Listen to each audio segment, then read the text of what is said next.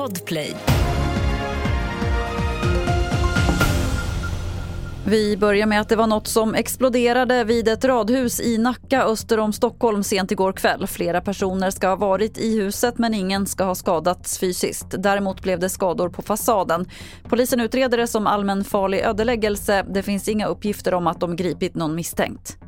Efter flera timmars diskussioner igår kväll kunde EU-ledarna slutligen enas om ett uttalande om den svåra humanitära situationen i Gaza.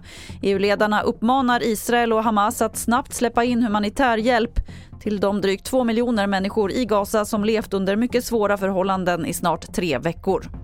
Och vi avslutar i USA där hundratals poliser fortfarande jagar den misstänkte massmördaren som sköt ihjäl 18 personer i delstaten Maine i onsdags.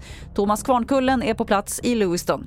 Ja, det är mörkt här nu och, mitt i natten och det finns egentligen inga tecken på att eh, polisen skulle vara eh, nära att eh, lokalisera den misstänkte gärningsmannen. Det har varit väldigt stort fokus på den här polisinsatsen som skedde vid en fastighet som eh, kopplas till den misstänkte gärningsmannen där man bland annat använde högtalare för att uppmana den som eventuellt fanns där inne att komma ut. Men eh, polisen åkte därifrån efter ett tag efter att det av allt att döma inte fanns någon där.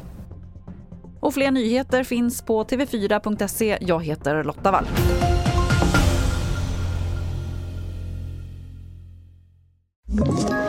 Ett poddtips från Podplay. I fallen jag aldrig glömmer djupdyker Hasse Aro i arbetet bakom några av Sveriges mest uppseendeväckande brottsutredningar. Går vi in med hemlig telefonavlyssning och, och då upplever vi att vi får en total förändring av hans beteende. Vad är det som händer nu? Vem är det som läcker? Och så säger han att jag är kriminell, jag har varit kriminell i hela mitt liv men att mörda ett barn, där går min gräns. Nya säsongen av Fallen jag aldrig glömmer på Podplay.